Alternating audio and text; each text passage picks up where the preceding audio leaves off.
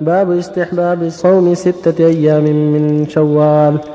عن أبي أيوب رضي الله عنه أن رسول الله صلى الله عليه وسلم قال من صام رمضان ثم أتبعه ستا من شوال كان كصيام الدهر. رواه مسلم. باب استحباب صوم الاثنين والخميس. وعن أبي قتادة رضي الله عنه أن رسول الله صلى الله عليه وسلم سئل عن صوم يوم الاثنين فقال ذلك يوم ولدت فيه ويوم بعثت أو أنزل علي فيه. رواه مسلم. وعن أبي هريرة رضي الله عنه عن رسول الله صلى الله عليه وسلم قال تعرض الأعمال يوم الاثنين والخميس. فأحب أن يعرض عملي وأنا صائم. رواه الترمذي وقال حديث حسن ورواه مسلم بغير ذكر الصوم. وعن عائشة رضي الله عنها قالت كان رسول الله صلى الله عليه وسلم يتحرى صوم الاثنين والخميس. رواه الترمذي وقال حديث حسن. بالله التوفيق صلى الله عليه وسلم وسلم على رسول الله وعلى آله وأصحابه ومن اهتدى به أما بعد هذه الأحاديث في صوم ست من شوال والاثنين والخميس. سبق أن الله جل وعلا إنما فرض علينا صوم رمضان. هذا هو الفرض على الأمة. شهر في السنة فقط وهو شهر رمضان. وما سوى ذلك فهو تطوع وقربة إلى الله عز وجل. وأفضل ذلك أن يصوم يوما ويفطر يوما. هو أفضل التطوع صيام داود. أن يصوم يوما ويفطر يوما. ويستحب الصيام الاثنين والخميس وثلاثة أيام من كل شهر وهكذا ست من شوال في حديث أبي أيوب. عن النبي صلى الله عليه وسلم قال من صام رمضان ثم أتبعه ستا من شوال كان كصيام الدهر. رواه مسلم. هذا يدل على فضل صيام الست من شوال؟ سواء صامها في أوله أو في وسطه أو في آخره. وسواء صامها وسواء كان صيامه لها متفرقة أو متتابعة. فالحديث يعم الجميع. وكذلك حديث الحديث الأخيرة في صوم الاثنين والخميس كلها تدل على فضل صيام الاثنين والخميس وأنه يومان عظيمان تعرض فيهما الأعمال على الله. فينبغي الإكثار فيهما من الخير. ومن الخير صيامهما. كان النبي يتحرى صومهما عليه الصلاة والسلام. إلا أن يشغله شاغل. فربما سرد الصوم وربما سرد الإفطار على حسب الفراغ والمشاغل. فالمؤمن يتحرى ما هو الأصلح. فإذا تيسر له الصوم صام وإذا شغل عن ذلك لأمور أخرى فلا بأس. بعض العامة قد يعتقد أنه إذا صام هذا العام يلزمه دائما لا هو لزوم حسب التيسير إذا صام الاثنين والخميس وأفطر بعض الأحيان أو صام ثلاثة أيام من كل شهر وأفطر بعض الأيام ما يضر. المهم أنه يتحرى هذا الخير. ولو شغل عن ذلك في بعض الأحيان فلا, فلا بأس. كله نافلة.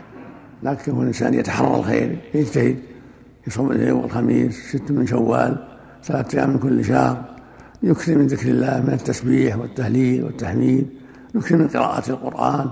يتحرى عيادة المريض. الدعوة إلى الله. تعليم الناس الخير. الأمر بالمعروف. النهي عن المنكر. إلى غير هذا موجب الخير. هكذا المؤمن. ينتهز الفرص. يجتهد. في يستغل كل وقته فيما يرضي الله ويقرب لديه في بيته وفي طريقه وفي المسجد وفي كل مكان. يرجو ثواب الله ويخشى عقاب الله.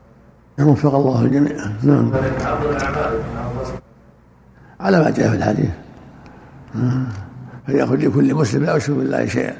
إلا رجلا كانت بينه وبين أخيه شحنة فيقول فيقول الله دعوا هذا إن يصطلحا لا حول ولا قوة إلا بالله. نعم. أحسن الله إليك ابن عمر رضي الله عنه ألم يتعبه صوم داوود؟ عبد الله بن عمر. نعم. كان في آخر الزمان في آخر حياته. كان يشق عليه وكان يفطر أيام ستة ويصوم أيام ستة. ويقول ما أحب أن أن أخل بشيء فارقت عليه النبي عليه الصلاة والسلام. فإذا عجز سرد الفطر ثم يسرد الصوم. وهذا من اجتهاده رضي الله عنه. لو ترك الحمد لله الأمر واسع. نعم. إليك ما ثبت عنه أنه قال ليتني أطعت وصية الرسول صلى الله عليه وسلم وأخذت بها يمكن يمكن يا ليتني قبلت الصلاة أظنها جاء عنه أظنه جاء. عنه الصوم يصل الفطر. اجتهادا منه ما أحب أن يخل بشيء فرق عليه النبي صلى الله عليه وسلم. اللهم صل إذا ثبت النبي صلى الله عليه وسلم ولد يوم الاثنين يكون هذا اليوم خاصية؟ لا بس من جهة الصوم. قد يستغل أصحاب المولد. هو غلط. إنما هذا من جهة الصوم كونه يصام لأنه يوم بعث فيه وأنزل عليه فيه وبيوم ولد فيه عليه الصلاة والسلام. فصار فيه فضل عن فضل كون يوم مولده وفضل كونه أنزل عليه الوحي فيه عليه الصلاة والسلام. صيام النافلة بعد انتصاف الشهر شهر شعبان. صيام النافلة بعد انتصاف إذا صام ما صام في النصف الأول لا يصوم بعد النصف. إذا كان ما صام في النصف الأول. أي نافلة مطلقة؟ نعم صوم الصوم يعني. إيه؟ إلا إذا كان يصوم الاثنين والخميس ما يصوم. ما في بأس. إذا كان يصوم الاثنين والخميس ما يخالف. أو البيض يعني البيض أو البيض قبل النصف الأول. البيض لا أخرها مثلا. لا البيض صار في الأول البيض في في 13 14 هذه البيض. إذا ما نوى أحسن الله إليك إلا بعد 15 شعبان. لا لا يبت- لا يبتدي. من صلاة الحج لا إذا من صلاة شعبان فلا تصوم. إذا صام إذا صام- صام يوما واحدا في النصف الأول من شعبان هل يصوم النصف الثاني؟ الظاهر لا بأس. إذا كان قبله شيء لا بأس. أن يستمر. المقصود يصوم أكثر شعبان. هذا المقصود. أكثر شعبان. الصيام حسين إما كله وإما أكثر. مم. يتعاقبون فيكم ملائكة بالليل وملائكة بالنهار أن الصواب غير العرض هذا ت- يتر- يتبعون مجالس الذكر. يصلون مع الناس الفجر والعصر. عليهم الصلاة والسلام. إذا كان الهجر يسبب في شر هل يدخل في الحديث؟ كان أحد العصاة. لا لا. لا, لا هذا الهج- الهجر ل- لأمور الدنيا حاجاته أما الأمر الشرعي ما يدخل مأجور صاحبه حتى يزول السبب. النبي هجر كعب بن مالك وصاحبه خمسين ليلة حتى تاب الله عليه وشابه كان عليه قضاء من رمضان. يبدأ بالعشر بالست أم القضاء؟ يبدأ بالقضاء القضاء أهم. أحسن الله إليك. من عنده دش يهجر أحسن الله إليك. يستحق الهجر لأنه فيه شر كثير الدش فيه شر كثير لكن ينصح ينصح يوجه إلى الخير. إذا كان الرجاء أحسن الله إليك أنه يكف عن هذه أو شيء؟ ينصح يوجه إلى الخير ويقال له احذر هذا ولا تستعمل الدش. لعل الله يهديهم فيما بلغنا أنه في شر كثير فيما بلغنا ان الدش فيه مرائي كثيرة خبيثة. متأكد شره أحسن الله نعم هذا. إذا نصح مرارا ورفض يستحق الهجر من اظهر المعصيه يستحق الهجر. هذه قاعدة. إذا كان من الأقرب. سنة مؤكدة هجره إذا كان من الأقرب وما يكون قاطع. لا ما يصير قاطع لأن هذا بسبب. يقول ابن عبد القوي رحمه الله وهجران من أبدى المعاصي سنة وقد قيل إن يردعه أوجب وأكدي.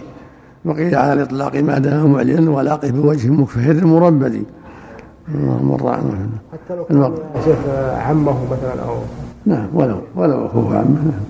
طيب بالنسبة إذا كان أظهر المعصيه في خفية. إذا كان موجود في بيته وظاهر أنه دش نعم. أحسن لك إذا كان يتمادى يزداد إذا إذا قطع قطع بحكم يستخدم الدش.